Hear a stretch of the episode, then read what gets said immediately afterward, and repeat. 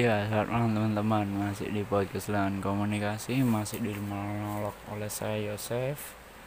Masih berusaha dengan komitmen untuk mencapai target upload seminggu sekali. Bermonolog 10 menit.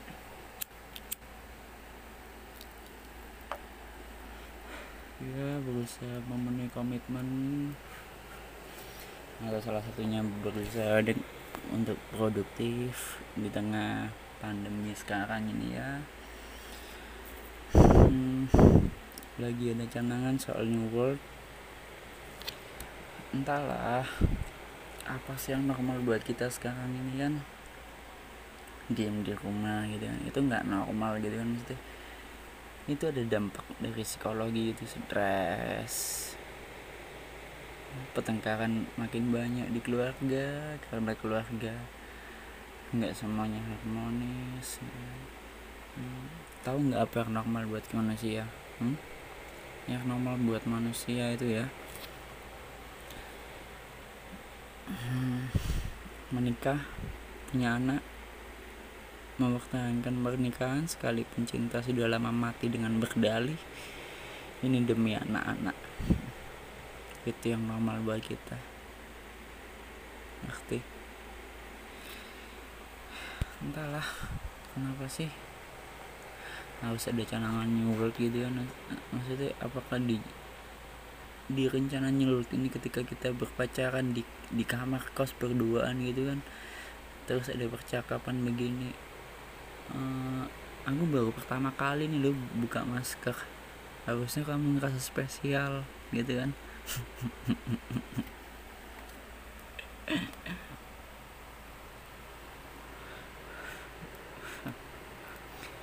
ya entahlah entahlah kenapa kita membiarkan mereka untuk membuat kehidupan normal buat kita untuk apa ya menentukan apa yang normal buat kita gitu kan? Ya di Surabaya Ibu Wali Kota kita tersayang Risma marah-marah terkait dengan mobil PCR bantuan dari BNPB Badan Nasional Penanggulangan Bencana.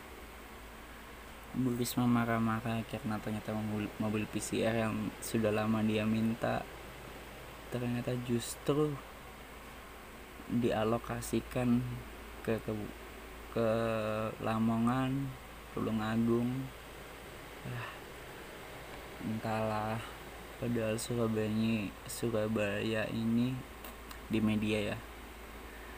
Lagi banyak-banyaknya pasien gitu kan. Tapi kenapa kok malah di alokasikan ke Lamongan yang hmm, datanya tidak tidak sebesar Surabaya sebagai kota Jawa Timur ya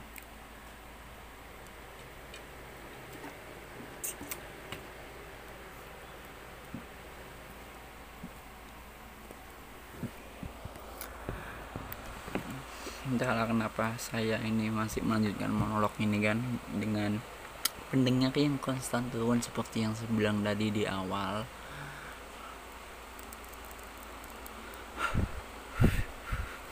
Kalau teman-teman kasih respon gitu kan biar saya semangat gitu kan ya mungkin terkesan saya seperti manusia lemah ngerti nggak kalian mah seperti manusia lemah? Manusia yang butuh motivasi dari orang lain untuk meneruskan karyanya ya itu manusia lemah. Gitu kan. Ya teman-teman. Yang merasa teman-teman saya mohon dibantu mohon didukung gitu kan. Nah, jangan jadi teman yang toksik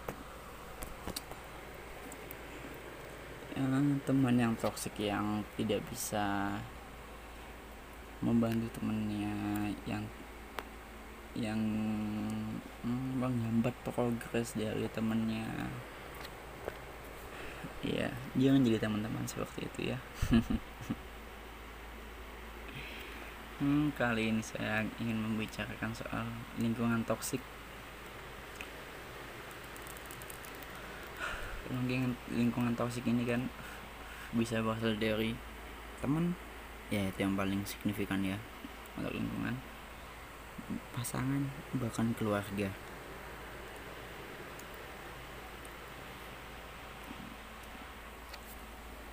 Sebentar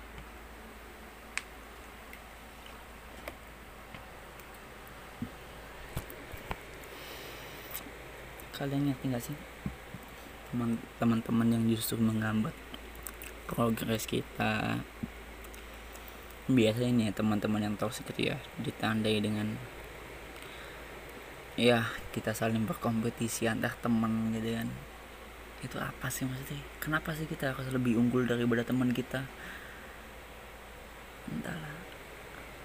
Entah ya saya maksudnya saya merasa begini maksudnya ya kalau sebenarnya teman saya lebih unggul daripada saya ya sudah gitu kan maksudnya. Dan ketika saya lebih unggul daripada kalian ya sudah gitu mas ya gimana ya? Kita mem mempunyai keunikan kita masing-masing gitu sebagai manusia gitu kan ya mungkin entah di bulan dunia lain ada yang mempunyai keunikan yang sama dengan saya gitu.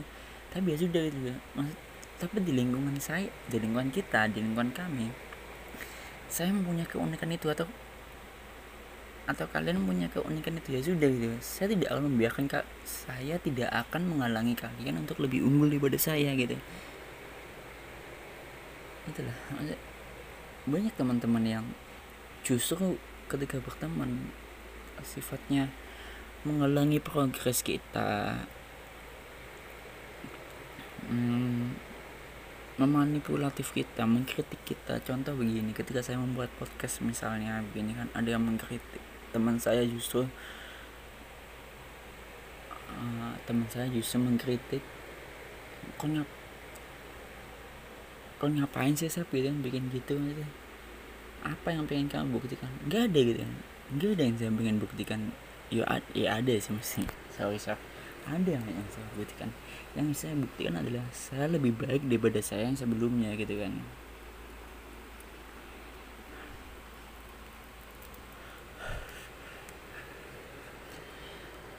Ngerti gak sih maksudnya? Uh, lihat ketika uh, podcast ini podcast ini jujur sebenarnya semua tentang saya atau tentang tentang teman saya Guntur gitu iya ketika saya justru memedulikan pendengar yang konstan turun ya. Uh, saya tidak akan melanjutkan podcast ini. Gitu. semua podcast ini semua itu semua tentang saya dan teman saya Guntur gitu. Tentang dokumentasi gimana saya bertumbuh daripada pembicaraan saya yang sebelumnya gitu kan. Ya mungkin di umur di umur 23 dua ya di umur 23 ini saya membicarakan soal lingkungan toksik soal uh, menjadi diri yang berkembang soal berkom berkontemplasi mengenal diri sendiri gitu kan. Ya saya masih berusaha mengenali diri sendiri gitu kan. Soalnya begini ketika saya sudah mengenali diri saya secara utuh itu justru justru mematikan saya soalnya manusia itu berkembang. Ketika saya mengenali diri saya sekarang dan tidak terus berusaha mencari semisal begini. Semisal saya sekarang saya yang sekarang saya sekarang uh, mungkin bisa dibilang seorang individualis. Nah, itu yang saya sekarang. Semisal saya tidak mengenal diri saya yang semakin berkembang selanjutnya ketika semisal saya selanjutnya ternyata saya lebih mengutamakan kepentingan orang banyak atau ya mungkin saya selanjutnya saya berada di fase seperti itu gitu kan. Saya tidak ingin mematikan saya untuk terus mencari siapa saya sebenarnya.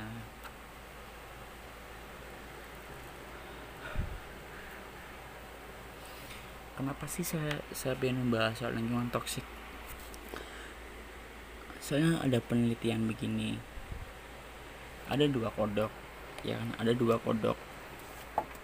Ada dua kodok. Yang satunya yang per, kodok kodok yang pertama uh,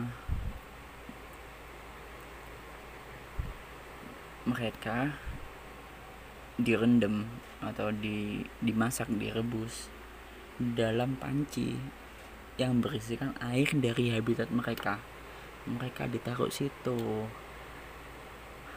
Lalu kompor mulai dinyalakan. Mereka tidak akan sadar.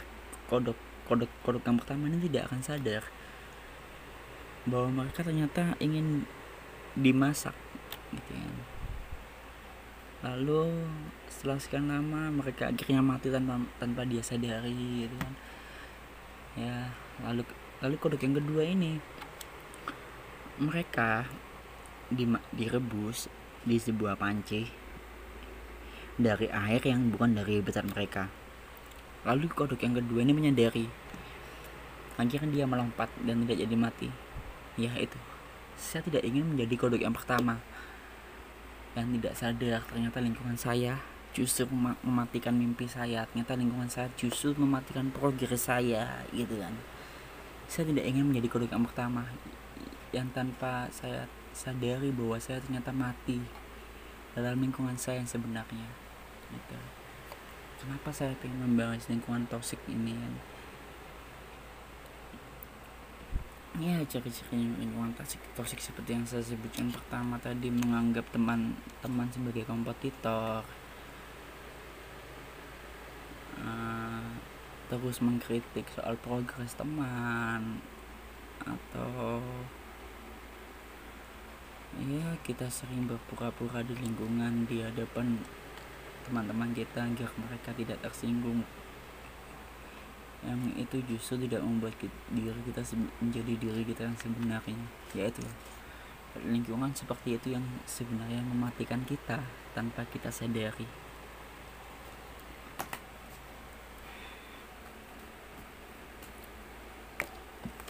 saya tidak ingin menjadi orang seperti itu yang tanpa sadar ternyata saya mati dalam malam mimpi dalam malam progres karena lingkungan. Itu.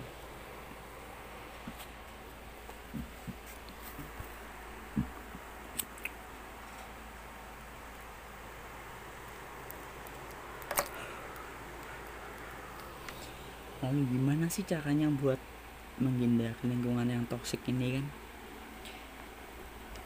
saya menemukan cara. Ya mungkin ini cocok untuk saya sendiri ya. Saya saya tidak ingin uh, menjadi sosok guru yang tahu akan semua hal yang kal yang bahwa kalian harus mengikuti apa saran saya. Tidak.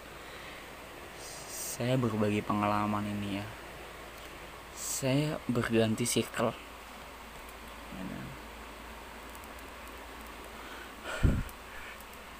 Ya itu cara cara saya gitu kan agar saya tidak mati di dalam lingkungan yang toksik terkhusus pertemanan ya.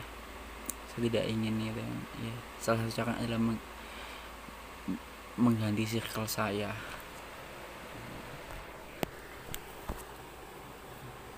Lalu uh, buat teman-teman teman-teman ini ya yang perlu kalian ketahui adalah lingkungan toxic itu enggak enggak selalu dari pertemanan tapi juga dari pasangan. Ngerti nggak sih kalian pasangan yang yang terlalu menganggap dia penting bahwa kita itu budak bahwa kita harus memperhatikan dia? Kan semisal saya suka nonton film ya di tengah-tengah saya nonton film saya saya diteleponin saya di chat gitu kan. Ya bukan saya nggak pernah mengalami semua saya pernah mengalami itu semua ketika saya melakukan hobi saya tapi pasangan saya justru kamu ke mana aja sih kamu kenapa nggak ngabarin? Padahal padahal baru 15 menit gitu kan. Maksudnya buat buat pasangan seperti itu ngapain sih kalian gitu? Apakah kalian harus harus perhatian atau kalian justru di kehidupan nyata kalian tidak masa diperhatikan gitu kan? Kita punya hidup masing-masing gitu bang. Ya mungkin itu salah satu saya untuk menghindari komitmen untuk menghindari status pacaran gitu. Saya percaya begini tanpa pacaran asal kalian tahu bahwa kalian sayang kalian pasti bertanggung jawab atas perasaan kalian. Gitu. Ya tanpa harus menuntut bahwa pasangan kalian harus perhatian.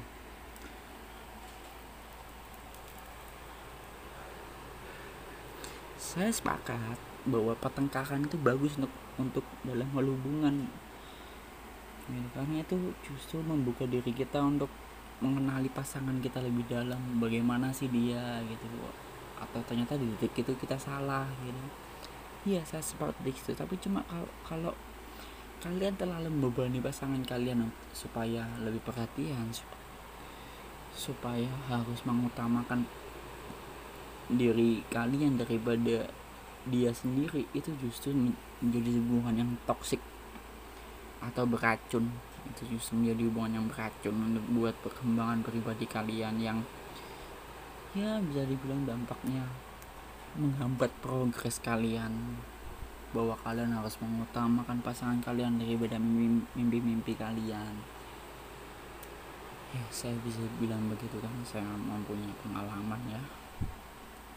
Ya ujung-ujungnya saya akhirnya berganti berusaha menghilangkan perasaan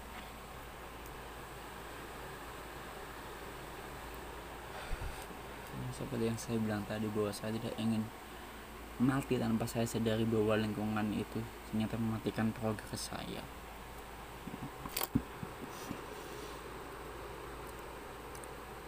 Hmm. ya ciri-ciri lingkungan toksik ya.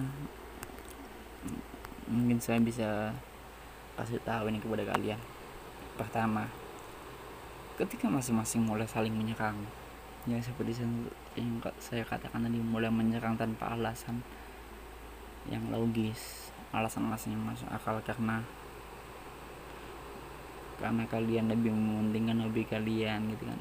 Ya gimana ya sih hobi kalian itu ada sebelum kalian berpasangan gitu. ya sudah tetap jadi diri sendiri yang mengut seperti kamu sebelumnya ketika kamu belum berpasangan gitu lalu yang kedua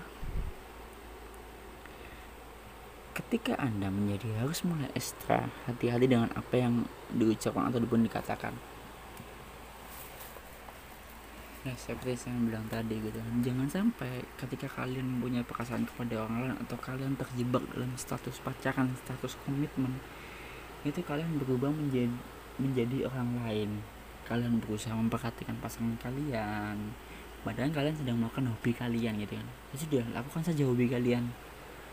Gitu kan. Ya menjadi asal kita mengabari pasangan kalian semisal saya hobi hmm, nonton film. Ya bilang aja. Sayang sebentar saya aku lagi nonton film. Jangan diganggu dulu ya. Nanti nanti aku kabarin. Iya gitu kan hmm, pasangan yang toksik tidak akan menerima itu. Mereka akan tetap menghubungin kalian ketika kalian melakukan hobi kalian gitu. Ya mungkin saran saya lepaskan atau putuskan hubungan seperti itu. Tidak akan membantu perkembangan kalian. Ya itu ya. Ketika hmm, ketika pasangan tidak lagi memberikan pujian atau dukungan tetapi lebih banyak mencela dan tragisnya pasangan penuh dengan penghinaan. Hmm, itu tadi. Seperti yang saya bilang tadi tetap ketika kalian semisal saya hobi dalam menonton film justru pasangan kalian menghina kamu tuh egois kamu itu tidak mengerti orang lain. No no no no di titik ini bukan kalian yang bermasalah tapi pasangan kalian bermasalah. Pasangan kalian yang tidak mengerti kesenangan kalian. Pasangan kalian yang tidak mengerti hobi kalian. Pasangan kalian yang tidak yang tidak mengerti atau berkompromi dengan kalian ketika kalian jadi diri sendiri. Itu itu bukan salah pas itu bukan salah kalian tapi salah pasangan kalian. Gitu. Tetapkan nah jadi teruskan kalian untuk menjadi diri sendiri. Biar kalian tahu bahwa ternyata titik sini kalian tidak bisa berkompromi dengan sifat pasangan kalian gitu. Ya terlepas dari mereka cantik atau mereka seksi gitu kan. Terlepas dari itu. Percuma mereka cantik atau percuma mereka seksi. Kalau pasangan kalian tidak tidak bisa menerima kalian sebagai diri sendiri yang sebenarnya seperti yang saya bilang di di podcast menolak karantina rumah ya? Kalau kalian dengarkan ya. Di podcast menolak kalian karantina karantina rumah saya bilang begini. Siapa sih sosial yang suka yang suka kita ketika ketika ketika kita jadi diri sendiri? Nggak ada gitu. Ya di, di dalam pencarian itu kita berusaha mencari pasangan yang bisa menerima kita sebagai diri kita yang sebenarnya. Kalau pasangan kalian tidak bisa menerima kita diri sebagai diri kita sebenarnya seperti sosial yang lain lepaskan. Percuma. Hubungan itu tidak akan sehat ya. menurut saya ini ya. Oke kalian menikah ya kan? Bermimpi menikah ya. tapi apakah menikah kalian merasa bahagia? Belum tentu bos. Belum tentu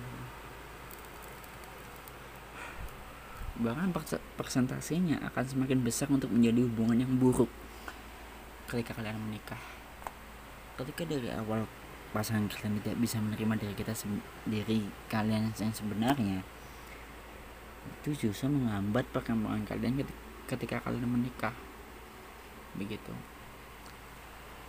Lalu yang keempat, ketika pasangan mulai menjauhkan Anda dari mimpi aktualisasi atau ataupun sesuatu yang membuat Anda bermakna, hmm, itu seperti yang saya bilang sebelumnya bahwa ketika kalau pasangan kalian tidak bisa menerima diri anda yang sebenarnya dan yang justru menghambat progres anda lepaskan. Gitu ya. Ketika misalnya begini pekerjaan di kantor anda diberi amanah oleh bos bahwa ketika amanah itu dikerjakan anda dijanjikan untuk naik jabatan. Tapi pasangan kalian tidak mendukung itu. Pasangan kalian justru bersifat uh, bersifat penting atau bersifat merasa egois bahwa kalian just, uh, seharusnya mementingkan saya sebagai pasangan kalian. Itu kan bisa menghambat menghambat progres kalian kan dan kesempatan itu tidak ada tidak datang kok dua kali gitu kan dan itu hmm, ya bisa dibilang sebagai representasi sebagai hubungan yang sok toksik lepaskan gitu.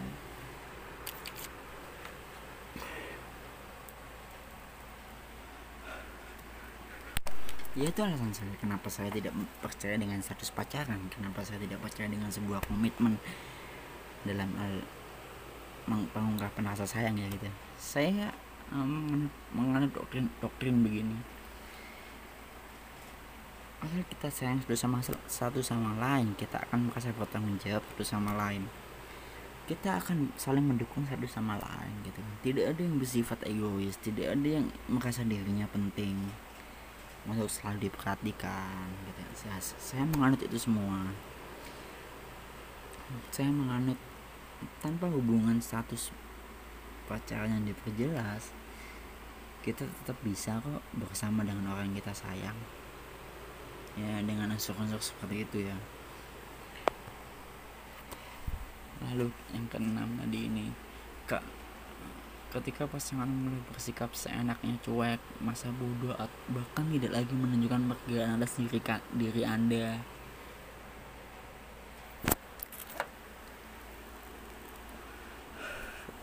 um, seperti yang saya bilang tadi bahwa ketika kesempatan kalian diberi amanah oleh bos kalian untuk mengerjakan sesuatu dan pengerjaan itu justru memberikan dampak yang positif agar kalian dapat men, uh, menaiki jabatan yang lebih bagus.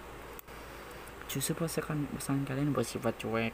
Dia justru bersifat uh, mungkin dalam satu keadaan dia bilang begini ya oke okay, kamu punya jabatan lebih tinggi tapi apa kamu sayang kepada saya gitu kan? Saya tidak peduli dengan jabatanmu gitu kan. Tapi apa kamu peduli dengan saya gitu? Ya ya itu mungkin bagus untuk uh, buah manusia ini dilahir uh, sebuah makhluk yang dengan kehendak murni bahwa segala keinginan emosi atau keinginan fisik tidak tidak terpenuhi gitu kan. Ya, tapi tidak bisa terpenuhi. Tapi begini. Uh, seharusnya dilakukan pasangan adalah mendukung. Ya sayang terima kasih. Terima kasih kamu telah menjadi diri sendiri. Terima kasih kamu telah mencapai pencapaian yang positif dan saya bangga atas itu. Seharusnya itu yang, dipat, yang diucapkan oleh pasangan kalian bukan ya buat apa kamu seperti itu? Tapi kalau kamu nggak perhatian ke saya. Bukan seperti itu gitu kan. Itu tanpa kita sadari itu menjadi sebuah hal yang mematikan progres kita mematikan kemajuan kita mematikan mimpi-mimpi kita. Hmm. ya ada ada gium bahwa menjalin hubungan tidak tidak puas hanya karena ada sasak cinta gitu kan.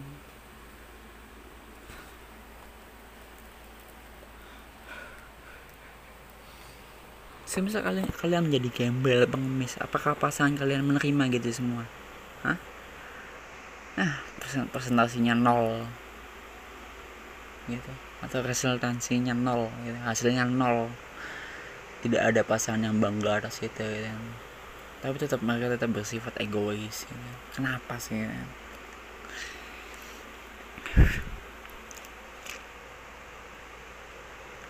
atau begini uh, ketujuh ini ya buat ketujuh ketika pasangan mulai membawa persoalan hubungan anda ke depan umum kepada keluarga atau teman-teman dekatnya bukan hmm, ya saya tidak tidak agak tidak sepakat dengan hal yang seperti itu. Terutama saya begini saya ceritain pengalaman ini ya. Ini tapi bukan pengalaman dengan pasangan tapi pengalaman dengan teman. Saya paling marah ketika saya percaya dengan teman saya dan saya menceritakan hal pribadi saya tapi justru teman saya yang saya percaya ini yang saya percayai ini mengumbar hal pribadi saya kepada orang lain. Itu itu hmm, membuat sakit hati sumpah. Saya pernah meninggalkan teman saya saya di warung karena hanya karena dia mengungkapkan hal pribadi soal saya gitu kan. Maksudnya begini kenapa saya melakukan hal itu? Hmm. saya entahlah mungkin memang dari kecil saya mempunyai pemahaman begini hal yang bersifat pribadi. Harus tetap bersifat pribadi. Hal yang bersifat publik ya sudah. Bersifat publik semua orang berhak tahu gitu, atau semua orang akan tahu gitu. tapi hal yang bersifat pribadi tidak semua orang berhak tahu. Atau tidak semua orang berwajib tahu. Lah saya menolak untuk berteman atau berpasangan dengan orang-orang seperti itu yang menceritakan pribadi saya ya sudah mesti ketika pribadi saya itu menjadi rahasia kita gitu atau menjadi rahasia saya dengan teman saya atau menjadi rahasia dengan saya dengan pasangan saya sudah. Saya pun tidak akan mengubah pribadi teman saya atau mengubah pribadi pasangan saya atau masalah mereka kepada orang lain gitu. Ya baiklah kita menghargai pri privasi masing-masing gitu kan. Lagian apa sih yang kalian dapat atau apa sih yang yang pasangan kalian dapat ketika mengubah pribadi dari pasangan kalian atau mengumbar pribadi dari teman terdekat kalian? Apa yang kalian dapat ah? Apa kalian hmm, kehabisan bahan omongan sehingga harus mengubah pribadi orang lain Hah?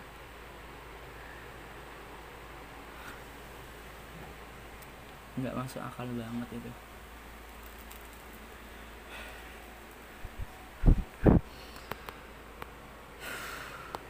Ya lalu dari hubungan toksik dari lingkungan pertemanan hubungan uh, toksik dari lingkungan pasangan. Hubungan toksik itu bisa bisa juga terjadi di lingkungan keluarga. Ya yes, seperti yang saya bilang di konten podcast karantina rumah lagi-lagi bahwa tidak semua keluarga itu berjalan harmonis. Gitu tidak semua lingkungan keluarga yang berjalan harmonis. Hmm, entahlah mungkin begini. Ada ada gium.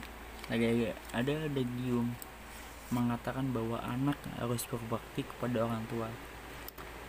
Jujur saya tidak agak tidak sepakat dengan pepatah seperti itu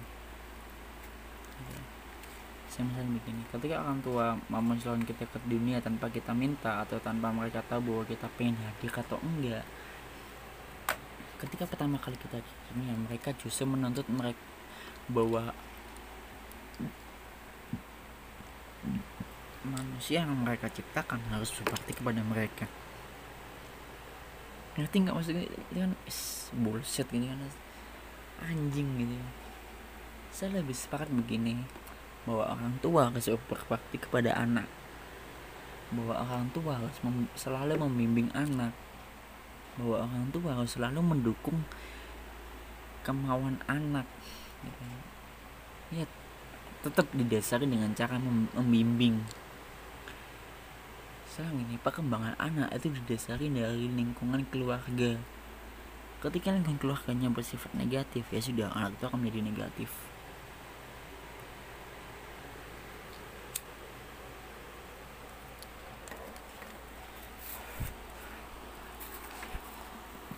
ya dari dokter itu saya juga tidak sepakat bahwa ketika orang tua sering membandingkan anaknya dengan anak yang lain. Saya misal begini uh, ketika kalian dibandingkan dengan teman orang tua kalian dengan anak teman orang tua kalian yang justru mm, mencontohkan progres yang lebih maju gitu kan. Jadi saya tidak, tidak sepakat dengan itu. Uh, saya begini anak itu terlahir terlahir dengan sifat unik yang berbeda dan bahkan keberuntungan yang berbeda. Ketika terus dibandingkan maka akan memunculkan rasa minder rasa menjadi ya ternyata saya ternyata saya tidak berguna ya. Itu justru mematikan mimpi kalian gitu ya lihat bahwa kematian progres atau kematian mimpi itu tidak tidak, tidak hanya ditimbulkan dari lingkungan teman dari lingkungan pasangan tapi juga justru ditimbulkan dari lingkungan keluarga.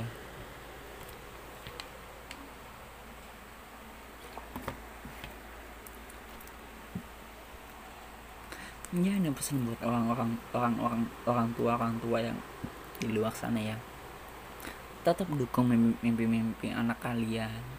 Tetap dukung kemauan anak kalian. Yang perlu kalian lakukan adalah mempertanyakan kenapa kamu melakukan itu? Kenapa? Alasan apa yang kamu gunakan untuk melakukan itu? Itu justru lebih efektif untuk mengenal anak kalian. Ya kalau kalian membaca dari bukunya Plato gitu kan gimana menjadi seorang pemimpin menurut Plato ya di situ cara mendidik anak yang paling tinggi adalah menimbulkan sebuah dialektika atau menimbulkan sebuah percakapan. Ya seperti yang saya bilang tadi contohnya bahwa yang perlu orang tua lakukan adalah menanyakan alasan apa yang yang anak dapatkan untuk melakukan sebuah suatu hal itu. Itu dan ketika anak memberitakan alasannya sudah dukung gitu kan. Atau ketika atau jadilah teman diskusi yang baik. Ya mungkin tidak semua anak berani atau mempunyai nyali untuk memberitahukan alasannya. Dan sebetulnya orang tua mengerti gitu kan.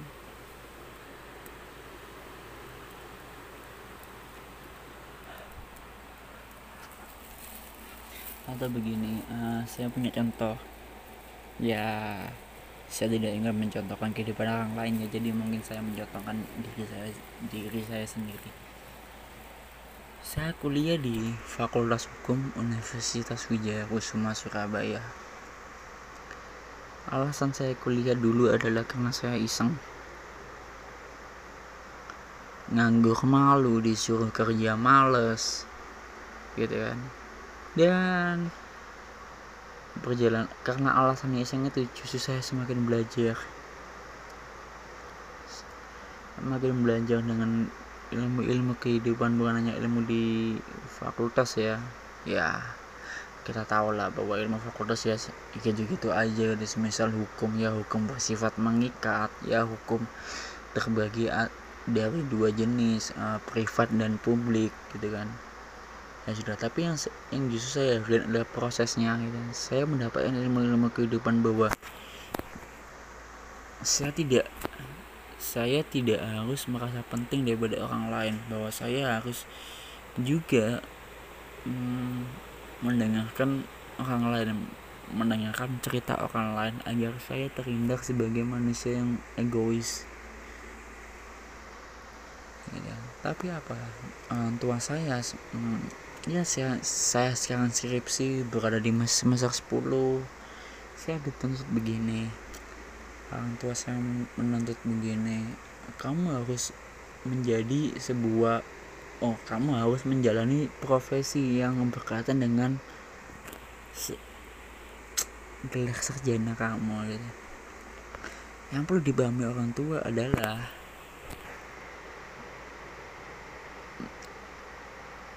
bahwa belajar itu tidak tidak berpengaruh sebagai dampak yang signifikan bahwa profesi harus berjalan sesuai dengan pembelajaran yang kita pelajari.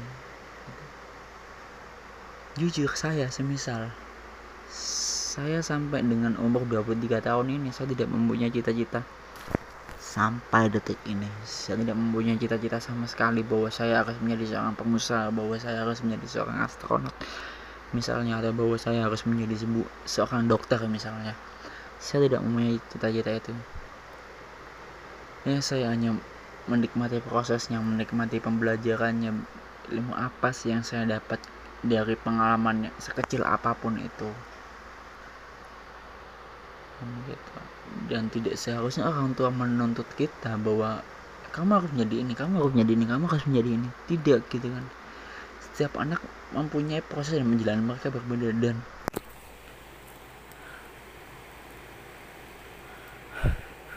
dan kalau cita-cita bahwa bahkan pengenalan diri kita difinalkan di detik itu apa bedanya kita dengan kodok yang pertama gitu kan yang saya sebutkan tadi bahwa kita mati tanpa kita sadari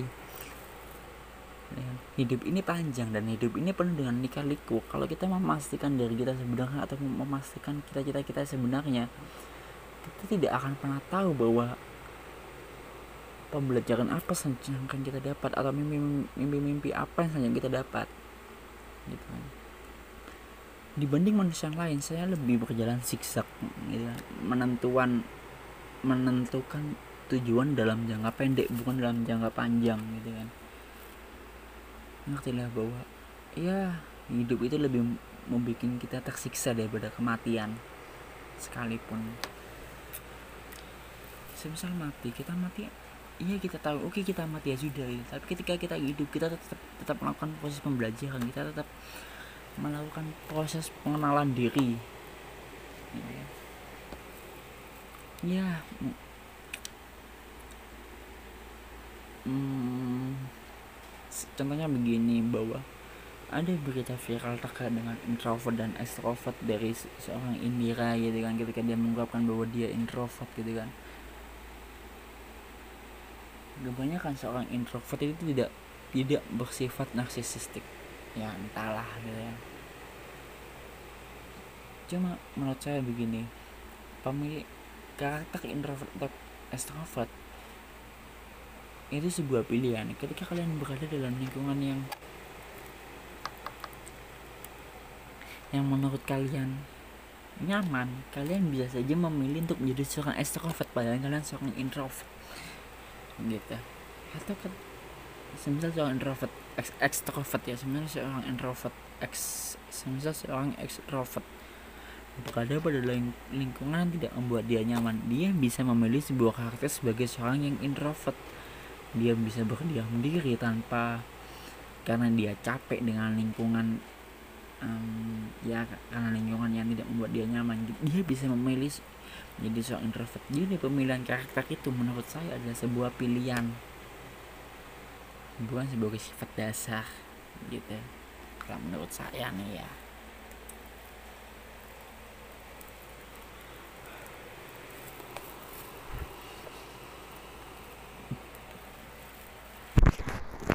ya begitulah pemaparan saya menurut pendapat saya terkait dengan lingkungan toksik.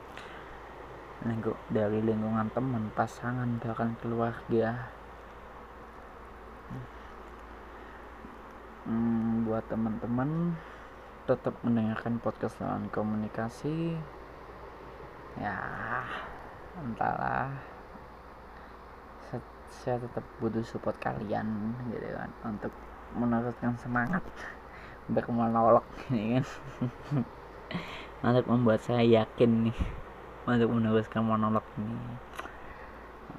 Buat teman-teman mungkin ada yang mengkritik memberi saran atau memberikan sebuah ide cerita atau buat teman-teman juga yang ingin berbagi cerita itu saya persilakan. Monggo. Gitu mungkin buat teman-teman yang tidak bisa menceritakan cerita kalian gitu kan. Karena kalian tidak bisa menemukan orang yang bisa mendengar kalian. Kalian bisa menceritakan semuanya itu di sini. Ya mungkin jaminannya saya saya tidak akan menyebutkan nama kalian ketika kalian menceritakan pengalaman kalian. Gitu. Ya semua itu bisa kalian kirim ke email podcast ke email uh, yang ada di deskripsi juga lahan komunikasi at gmail.com saya tunggu respon teman-teman saya tunggu cerita teman-teman saya tunggu kritik teman-teman saya tunggu saran teman-teman. Hmm, selamat malam dan selamat istirahat buat teman-teman